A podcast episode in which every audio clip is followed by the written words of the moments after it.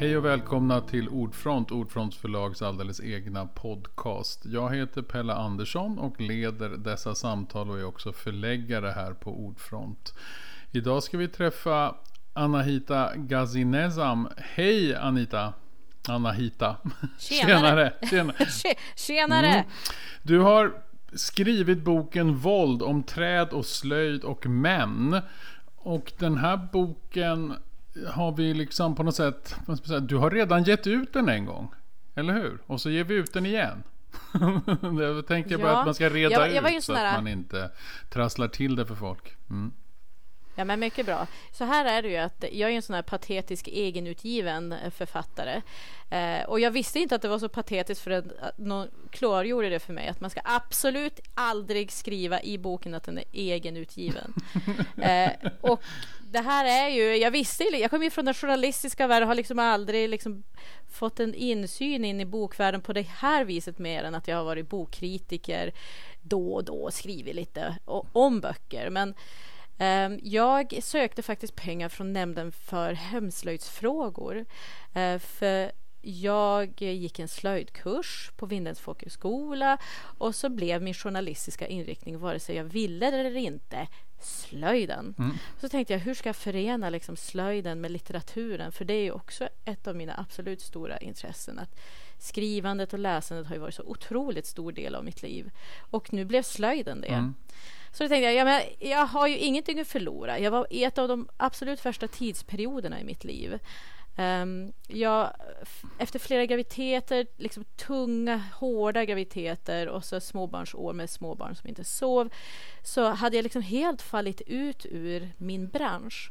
Och jag hade liksom blivit helt främmande för min kropp, mitt psyke var helt förstört. Låter ju toppen! Uh, min ekonomi var helt... Ja, det var piken! Ja, pikbotten kan man säga. Ja. Så jag bara, jag har ingenting att förlora och eh, jag har liksom helt tappat respekten för min bransch och eh, känner liksom inte att jag behöver imponera på någon längre och har helt tappat konceptet vad man ska göra och inte mm. ska göra. Så jag sökte en liten projektbidrag och tänkte nu skriver jag något om slöjden. Mm. Och så blev det den här lilla boken och det fick jag då eh, jag kommer inte exakt ihåg, var det någonstans mellan 15 och 25 000. Men det räckte tillräckligt för trycket mm. och korren. Allt sånt där kostar ju hemskt mycket.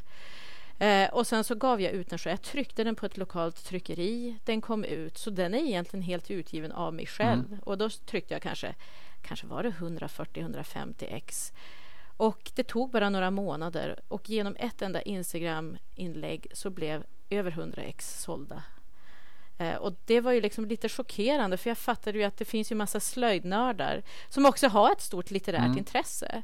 Som egentligen är samma slags person som jag. Liksom ett, ett, ett, man är liksom aldrig en person utan man består ju av flera olika intressen och flera olika delar. Så det finns de som eh, hör resonansen av sin egen berättelse i mm. detta. Precis.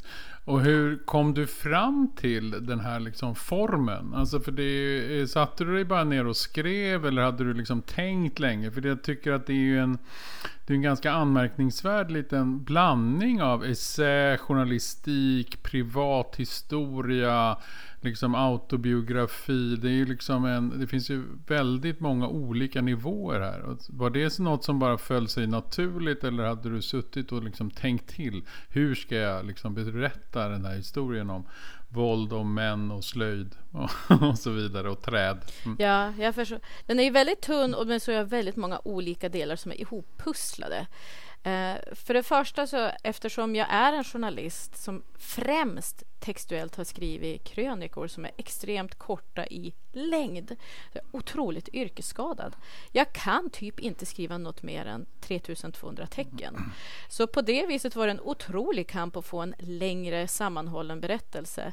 Sen så under den här otroligt jobbiga tiden där jag liksom glider in och ut ur medvetande, där jag inte får sova på nätterna och allt, liksom både dagarna och nätterna är liksom en enda stor märklig dagdröm där allting eh, löser av varandra i små korta sjok. Mitt, mitt hjärna funkar inte, mitt språk har typ lagt av. Eh, så var det som att jag kan inte producera någonting annat än ett pussel jag till slut ändå måste sätta ihop så att det blir begripligt. Och just det där pusslandet var ju det svåra. Alla vi bär ju med oss små korta historier. Um, och de hör ju samman med allt annat i ens liv också. Men hur förklarar, det man, hur, klar, hur förklarar man det för en som ska läsa ens livshistoria om du förstår Precis. vad jag menar?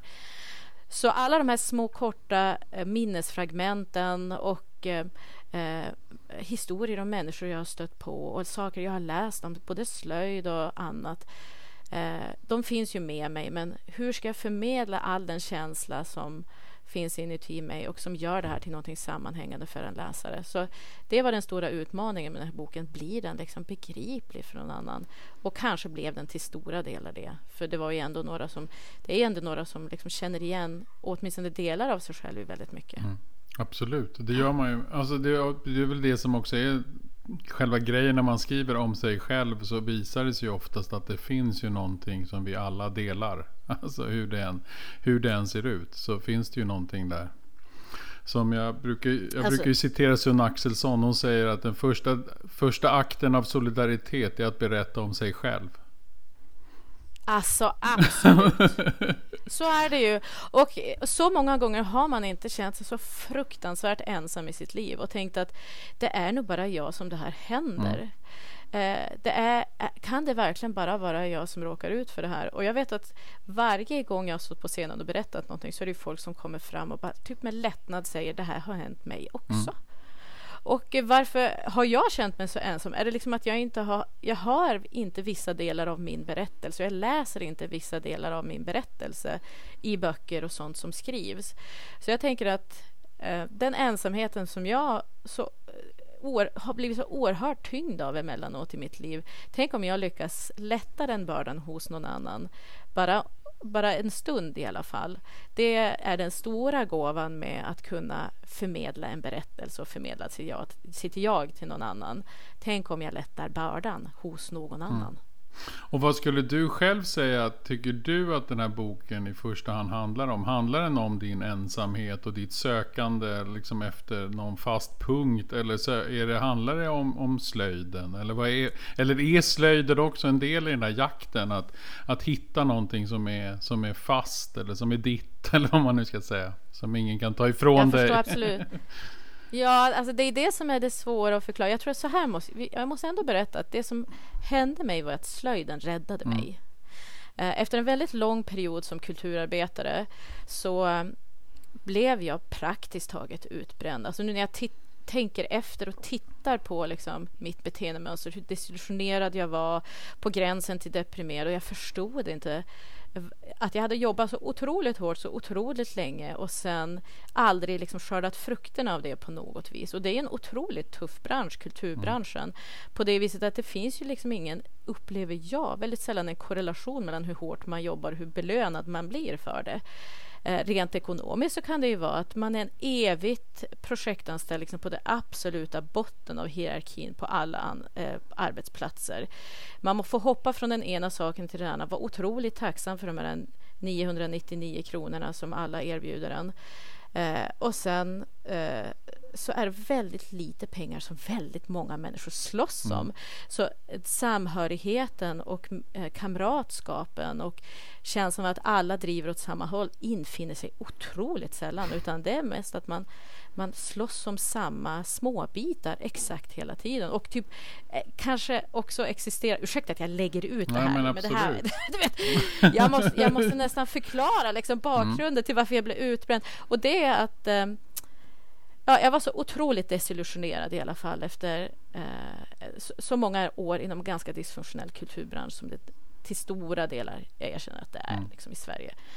Eh, och då räddade slöjden mig, för jag fattade inte vad jag skulle göra med mitt liv. Så det, liksom, utvägen var för mig att söka den här ettåriga slöjdutbildningen på en folkhögskola. Och där står vi och liksom täljer en smörkniv. Vi sitter och så här, nördar ner oss i liksom hur man skruvar bäst ihop någonting i oändligt antal timmar. Jag kommer ihåg, eh, jag vet inte hur mycket tid jag la ner på att förstå liksom bandsågen. Alltså det var magiskt. Ja. Det var, tänk att människor får göra det här. Och det året räddade mig. Eh, och då fick jag tillbaka min lust och min glädje. Och jag upplever att det är faktiskt inom slöjden så otroligt många utbrända människor. Och så otroligt många människor som har råkat väldigt, väldigt illa ut i andra branscher. Mm. Och slöjden har blivit det paradis där de får en stund vila ut. Och tack vare CSN mm tack och lov så finns CSN. Att man kan gå tillbaka till sin gymnasiepott och bara gräva fram de här veckorna som man faktiskt har kvar och gå på folkhögskola eh, och sen bara ta, ta igen sig rent mentalt och känsligen. Så då tänkte jag, ja men slöjden räddade mig, kanske jag kan hjälpa till att rädda den lite grann, för den har varit lite grann hotad. Mm. Det är ju många eh, politiska krafter som skulle vilja kanske ha till exempel en mer teknisk inriktning på slöjden i skolan, eh, eventuellt vilja eliminera helt och hållet slöjd i skolan till förmån för liksom väldigt mycket annat. Eh, naturtekniska ämnen till exempel. Men jag tror att det finns någonting där som vi behöver diskutera som är otroligt viktigt med att få jobba med handen och eh, inte nödvändigtvis med hjärnan emellanåt. Att vi liksom pumpar in så oerhört mycket information i hjärnan under skolgången på, på barn. Um, och sen även att det har varit liksom, ä, ä, en, en vilostund för vuxna som har som inte riktigt vet vart annars de ska ta vägen. Så jag tänkte att jag måste ge slöjden kött och blod, för även inom slöjdhistorien så finns det ju otroligt mycket att diskutera. Det finns mycket våld, det finns mycket övergrepp, det finns mycket fel som har gjorts. Det finns mycket intressanta, fascinerande historier. Eh, den har, liksom, slöjden har ju ledsagat många människors liv i sin kamp att överhuvudtaget överleva.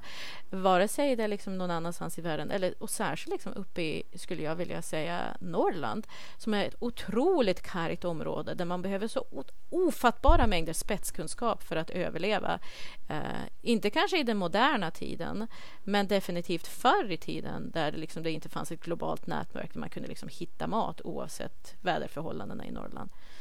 Eh, så det är liksom slöjd, mm. slöjdtemat. Mm. Där kom slöjdtemat in i boken. Den ledsagar mig genom mitt mm. liv och jag tänker att den har nog ledsagat väldigt många andra också. Mm. Och du fortsätter att slöjda nu då?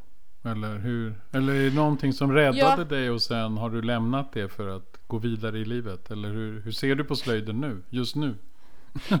ja, men jag tror så här. Ja, jag förstår. Mm. Jag tror så här. Slöjden har ju alltid funnits på det viset att min mamma är en syende kvinna. Hon, hon har sytt väldigt mycket. Hon har stickat väldigt mycket. Hon lärde mig det sedan barnsben. Så det har ju funnits både hos mig och jag tror väldigt många andra människor en, en, en pappa eller en mamma som på något vis håller på med något hantverk.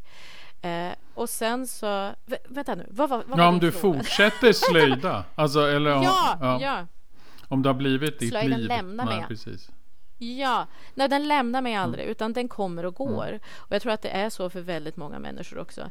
Att min dröm är liksom, istället för att städa köket och rensa avloppet och sortera liksom, återvinningen, är ju att när jag har de där två timmarna på kvällen så skulle jag egentligen vilja sy en tygkasse. Alltså otroligt fånigt, men god damn it, vad roligt det är att hitta ny teknik och sy en ny tygkasse. Eller laga någonting på ungens klänning, eller du mm. vet, eh, lappa ihop en, eller så här, skruva ihop en skruv som har lossnat i. Vet, alla de här små elementen där man känner att ja men gud, jag lagade faktiskt det här. Oj, oj, oj, jag har gjort någonting till vår familj som fungerar bruks, eh, liksom ett bruksföremål och, och användbart och till och med kanske lite bättre än det man kunde köpa i affärerna. Jag tänker sånt där lämnar aldrig en människa utan det finns alltid en dröm om att få lite fler timmar att sticka, mm. lite fler timmar att skruva.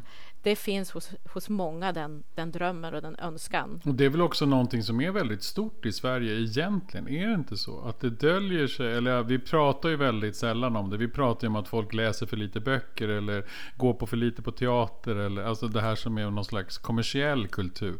Men allt det här att vandra i skogen, plockas bär, måla, laga, ja, bygga saker, hålla på med, sin, med sina händer. Det är väl ändå fortfarande en ganska stor folkrörelse där ute? Är det inte, är det inte så? Absolut, absolut. Och vi ska liksom inte underskatta slöjden i skolan, vad den har för, för betydelse.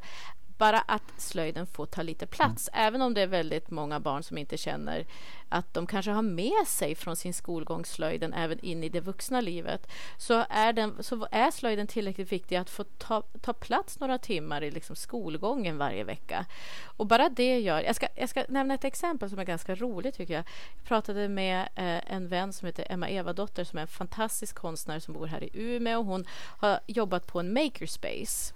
Och det innebär ju att hon har försökt ledsaga eh, studenter här på Umeå universitet i till exempel hur man använder laserskärare eh, och 3D, vad heter det? Mm, att, eh, skrivare typ, 3D-skrivare. Eh, 3D-skrivare och, och alla de här extremt komplicerade maskinerna som går sönder med jämna mellanrum men som alla är så otroligt nyfikna på som går tekniska utbildningar, till exempel designutbildningen här på Umeå universitet.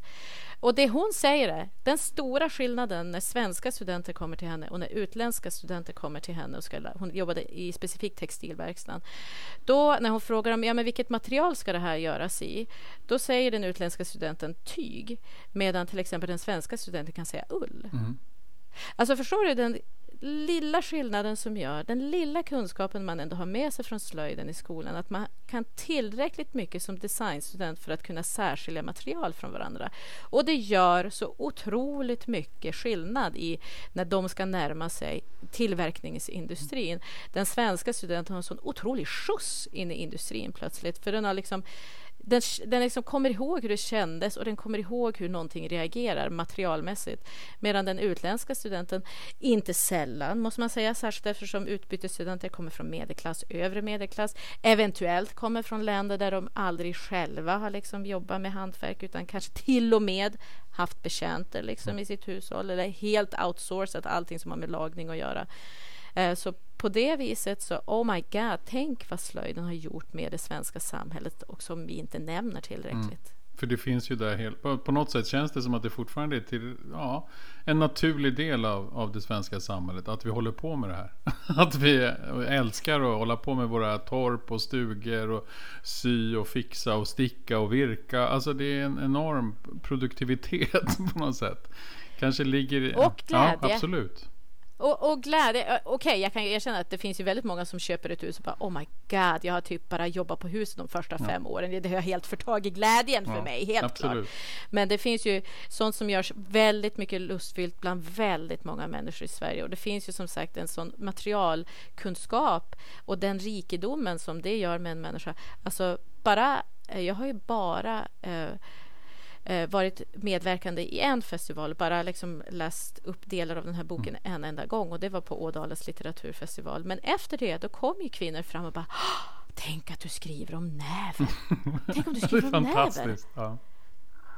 Och det, bara, det fanns så uh, självklart i mitt liv som barn. Och det var så hela tiden närvarande. Mina föräldrar flätade näver, det fanns näverartiklar överallt runt omkring oss. Och här är det här är det jag då som äntligen tar en sån sak som näver på allvar. Sånt som kanske det rynkas näsan åt lite grann i alla second hand-butiker. Där man liksom inte fattar vilket arbete det är att bara skörda mm. näver. Förstår vilket arbete det är att hitta ett träd som vill släppa sitt näver, som har ett bra näver, så att man kan eh, skära isär det och ens fläta det nävret och att det ens har hållit i så här många år. Det här eh, väcker sån eh, liksom, känsla av, av tacksamhet. Det här låter helt sjukt, men vissa är liksom tacksamma. Och jag också är så otroligt glad att jag vågar skriva om näver. Mm. Och det är också intressant. Är inte... för I boken så är det väldigt många sådana saker du tar upp. Att det tar tid och att det finns de här perspektiven. Och långa perspektiv. Att vissa saker ska man liksom skörda och sen får man inte, kan man inte använda det förrän på 20 år. Och så, alltså att det, det är sådana enorma tidsperspektiv i det här. Och vad, vad tycker varför valde du att berätta det? För det finns ju någonting där som också visar att det är ett annat typ av samhälle på något sätt. Det, det är ett, ett, långsamt verkande samhälle istället för det här hastiga behovstillfredsställelse. Helst innan man ens har hunnit tänka tanken att man, att man har ett behov. Eller hur? Mm. Jo men alltså tänk vad man förberedde material åt nästkommande generationer mm. förr i tiden. Det finns ju en sak där man, alltså, som husbyggare förr i tiden, då gjorde man något som heter kataträd. Och det är att man, eh, man kan säga man skadade barken på trädet eh, som till exempel pappa åt en son eller mamma åt en dotter. Så att trädet liksom Eh, eh, tillverkade en massa hartser och förhårdnade. Så att den under de nästkommande 20-30 åren som den växte bara blev typ så jäkla hård och så jäkla hållbar och så fylld med medel som gjorde att den inte rötade så snabbt. Och det här gjorde en generation åt en annan generation. Man liksom skalade bort barken på träd och tänkte ja, men min dotter om 30 år ska ju faktiskt bygga ett hus någon gång i tiden. Så då är det bäst att jag går liksom runt i min skog och förbereder de här träden. Och jag tänker på ett vis så måste man ju tänka att det tar ju tid att bygga en människa också. Mm. Så min livshistoria, där jag liksom blickar bakåt 40 plus år, eh, är ju, består ju av fragment där jag liksom har råkat ut för saker och ting som har format mig som en stor och vuxen människa. Mm. Och på det viset så eh, tror jag att det här perspektivet, både liksom decennier bakåt och decennier framåt, är så otroligt viktigt som människa att, att, liksom, att ha en grundläggande förståelse för. För att förstå hur du blev till så måste du kunna liksom plocka fragment av ditt liv och tänka det här var liksom ett avgörande ögonblick. Och sen, eh, och sen när man blickar framåt också, att det kommer ju vara avgörande ögonblick jag gör som har effekter långt, långt in i framtiden. Det där är ju en sak som när man blir förälder mm. fattar hur mycket man kan skada sitt barn, hur mycket man kan förstöra sitt barn, hur mycket man kan bygga upp sitt barn. Eh, genom att inte förstå vad man gör eller faktiskt ha genuint onda avsikter. Jag har så jag tänkte så här, hur skör är inte en ny människa? Så otroligt utelämnad. Mm. Eh, och så är det ju. Och så är det ju, det är ju sånt som man kanske inte förstår vidden av om man inte har liksom blivit förälder än. Eller jobbar med väldigt unga människor. Eh, men, men, just de här tidsperspektiven, det tänker jag, det är liksom otroligt eh, grundläggande i, i, min bok. Det var liksom en förståelse jag hade och någon sak som jag behövde hantera och idissla lite mm. grann i bokformat. Men vad är det som tror du gör att du fastnade för, för just slöjdandet och det där? Förutom att dina föräldrar fanns där. För det, det, du har ju, målar ju inte bara upp en, en vacker bild av dina föräldrar. Eller framförallt inte din pappa bara. Det, eller hur? Det, det finns ju något som skaver där. Eller? Jo, så är så det ju. Att du då fastnar för konsten eller för slöjden. Den är ju kanske lite märklig. Eller? Jo, jo, men jag kan tänka, vi kan prata lite grann om rum, mm. för det är ganska mm. intressant. Alltså, slöjden är för mig ett rum där jag blir behandlad otroligt väl med gemenskap och med värme och med människor som är så otroligt genuint nyfikna. Mm. Eh, och på det viset så har jag diskuterat också lite grann för att det här med att jag befann mig i samma rum som min pappa. Eh, och sen att jag klev ut ur den var faktiskt det bästa som hände mig. Att jag valde göra det som är faktiskt väldigt svårt att förklara för väldigt många människor. Det är att inte ha kontakt med min pappa Nej. överhuvudtaget i väldigt många år. För att jag behövde det för att kunna bli en fullständig läkt människa. Liksom. Och sen så eh, tänker jag att det är, det är det där att man, jag tror man måste kunna förstå eh, att man kan faktiskt välja. Mm. Det är så många som tror att de är fast. Mm. Eh, slöjden var ett välkomnande rum. Och det går att välja bort rum som man befinner och vistas i och kliver in med jämna mellanrum. Eh, att välja bort de, de platserna, det är fullt möjligt. Mm. Nu hör du eventuellt en skjutande tvååring i bakgrunden, men du får säga till om skjutandet blir för högt. Skit i ungen som vi säger på tal om ja. det här samtalet. ja, ja, precis. Skit i ungen, absolut. Det skadar inte alls Nej, henne och ignorera henne. Vi har saker för oss här. Vi har viktiga saker här för oss, så skärp dig. Ja, precis. Ja. Ja. Nej, men, men, men däremot din, bilden av din mamma då och syendet. Det är ett annat rum som kändes bättre. Eller hur skulle du säga där? Mm. Ja, mm. ja absolut. Och jag menar vilken värme möter inte en människa som har en mamma som lagar mat åt en och syr kläder till en och lagar, lagar allt åt en och ibland en själv också. Eh, så jag tror att eh, den, den try, alltså trygga rum, just det där trygga rum. Man kan ju, som vuxen är man ju inte alltid inuti sin mammas rum, för mm. man bor ju inte alltid tillsammans Nej. med henne. Och man är alltid oro, orolig för henne mm. också.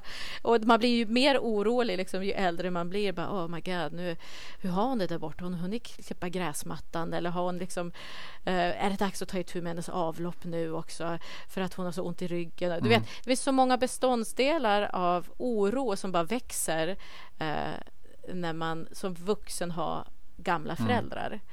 Eh, men för mig var min mamma verkligen liksom det varmaste rum jag kunde vara i. Det var hon som gjorde mig till ändå en ganska fungerande människa. Och så kan det också vara för många barn som har en fungerande förälder. Tack vare den fungerande föräldern har funnits mm. så fungerar man även själv som vuxen faktiskt mm. i slutändan. Även om man gör många misstag längs vägen och kanske inte är den bästa av människor. Men till slut så fungerar man och har skärpt sig till en viss grad i alla mm, fall. Så det är rimligt? en ganska rimlig människa. Ja, så, är det, så, är det. så är det.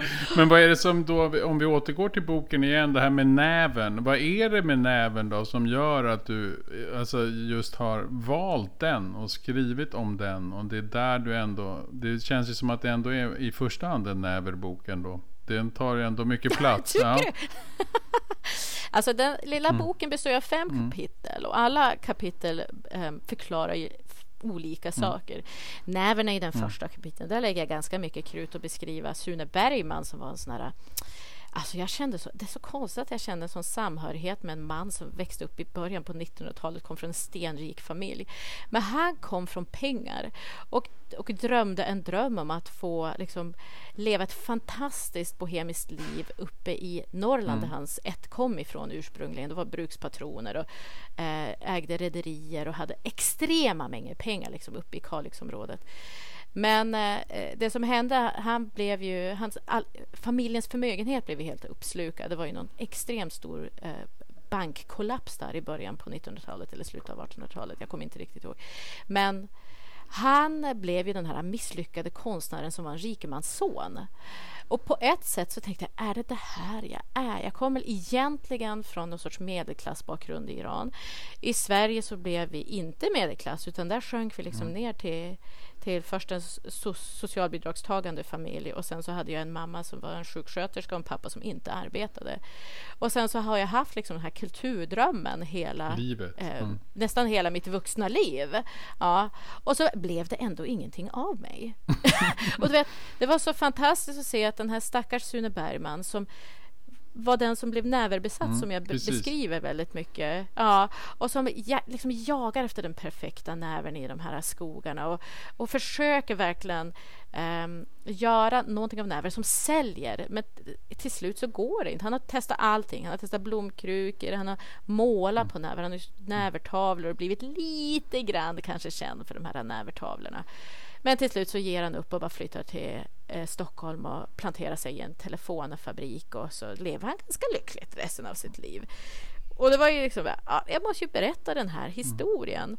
För jag känner en sån samhörighet med den här mannen som jag tror, om vi träffades i verkliga livet, eventuellt kanske inte alls skulle liksom Gilla varandra. klicka med. Nej. Nej. han var ju liksom en fryntlig typ, det står ju överallt. Och, men kanske lite sådär äh, självupptagen får man säga mm. det. Det är det intryck jag har mm. fått av den här stackars Sune Bergman. Men eh, varje kapitel, och det är bara mm. fem, består ju av en liksom djupdykning in i lite olika saker. Symaskinen tar jag en titt Absolut. på. Eh, det märkliga trädet mispeln tar jag en titt på. Och där handlar det mycket också om tiden i mispelkapitlet. Ja, ja i mispeln. Ja, visst. Och där beskriver jag liksom hur man gör en makila. Alltså det är ett um, herdestav som görs i Frankrike eh, och eventuellt i Spanien också, i, av baskerna. Och det trädet, det ärrar man och så, låt, och så såg man ner det efter några år när ärren har liksom grott igen och så måste den vila i flera decennier för att bli stenhård och kunna bli liksom den här fantastiska herdestaven som man gör. Eh, och då eh, är det också det där tidsperspektivet mm. som du mm. pratar om. Alltså för mig har det varit så fascinerande också. Djupdykningen i slöjdhistorien har varit den där generationer samlar åt kommande generationer mm. och vårdar och skördar och ser till liksom att eh, att det finns och att det bevaras, att skogen inte utarmas. Att att huset står kvar, att marken inte blir förgiftad, att vattnet går att dricka.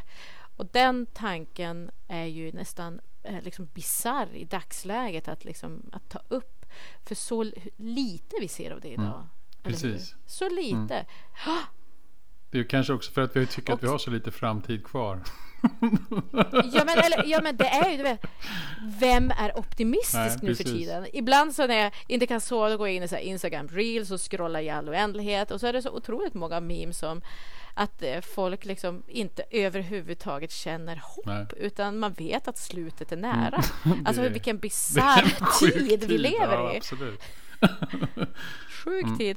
Och så det här irrationella att någonstans måste vi ju här, här jag nämner lite mm. grann liksom att slöjden är lite loj. Mm att även om det är en otroligt välkomnande varm famn så skulle jag behöva att ibland så måste ju slöjden ta fram sina huggtänder och slicka sig om läpparna och bara nu måste vi föra det här rationella samtalet att det är faktiskt inte gångbart med den här grödan här.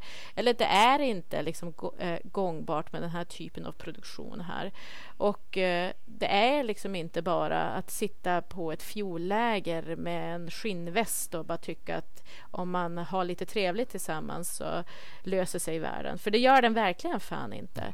Den sista kapitlet, där berör jag hampan mm. och för mig var det definitivt ett uppvaknande mm. att börja läsa om hampans historia i Norrbotten och Västerbotten. Att hur mycket och hur väl har inte den grott och skördats och nu är den helt förbjuden. Mm. Alltså hur sjukt är inte det? Eh, och att det är så otroligt strikt detta med att hur den ska odlas. Om den väl odlas så måste man som bonde då måste man vara eh, uppkopplad mot en uppköpare och annars får man inte eh, odla den. Den måste direkt köpa, alltså man måste liksom söka eh, tillstånd, sen man måste gå igenom ett otroligt maskineri och sen måste man vara direkt kopplad mot en uppköpare som typ förädlar den på plats praktiskt taget. Och jag menar, det är helt, det, är inte, det går inte. Det är väldigt få som har vågat sig på att odla hampa i Västerbotten. Även om den inte innehåller liksom det här narkotiska mm. medlet som är det som egentligen det finns väldigt mycket restriktioner kring. Men hampan är en fantastisk textilfiber. Mm. Och jag tycker att eh, för mig var det så här, vi har slutat tänka rationellt.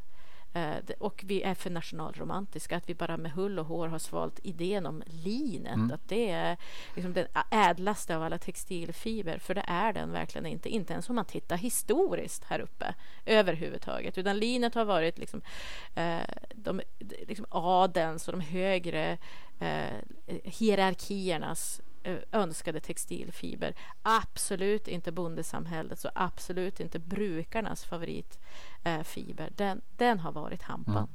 Och nu är den borta. Och nu är den borta. Mm.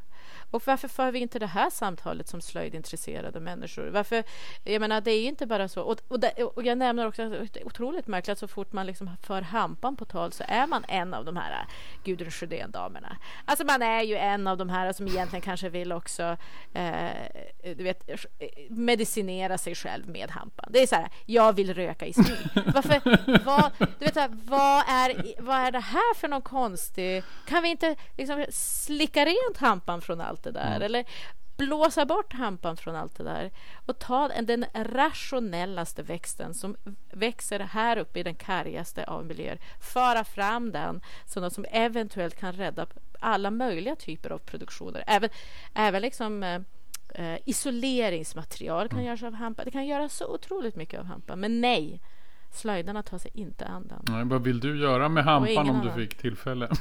Själv? ja, jag, skulle, jag skulle först vilja odla den. För förstår du vad man kämpar med att få något att växa på de här breddgraderna? Tänk att se något växa liksom så många meter. Mm. Det är helt sjukt. Morsan har ju äntligen lyckats få liv i sina solrosor och det är ju helt fantastiskt. Rabarben växer bra där uppe, det har jag sett. Där. Rabarber, rabarber växer bra. Otroligt bra. Så det finns ju, det finns ju liksom fem grejer som växer ganska bra.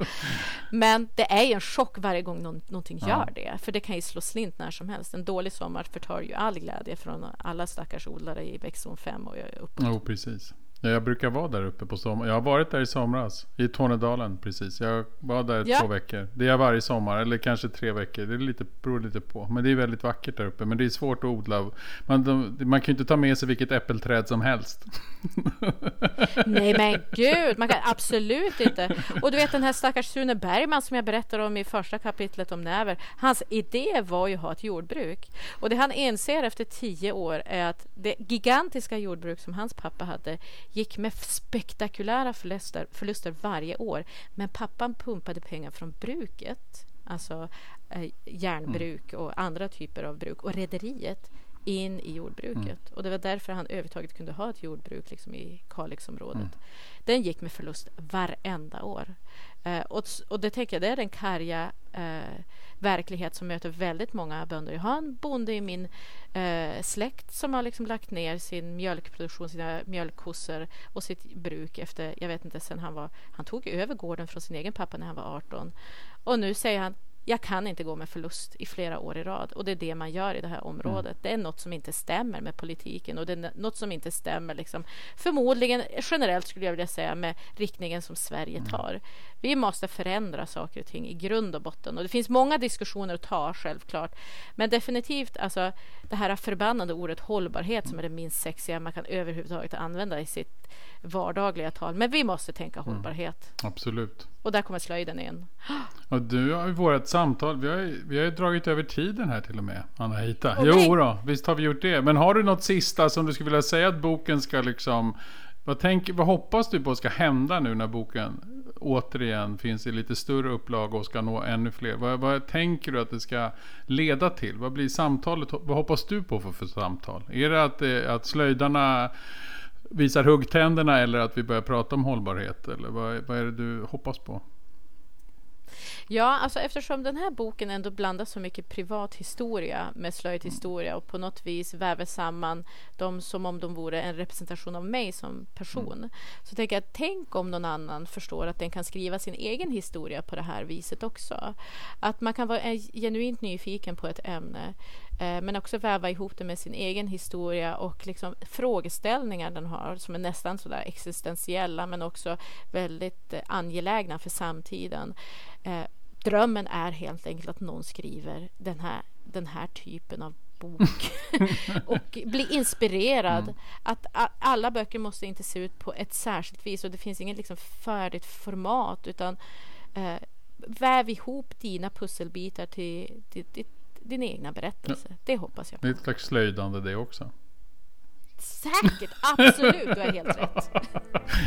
Tack så hemskt mycket Anna-Hita för att du kom hit till Ordfronten. Även om vi tog det på distans så, så roligt att få prata med dig om din bok Våld, om träd och slöjd och män. Tack så hemskt mycket.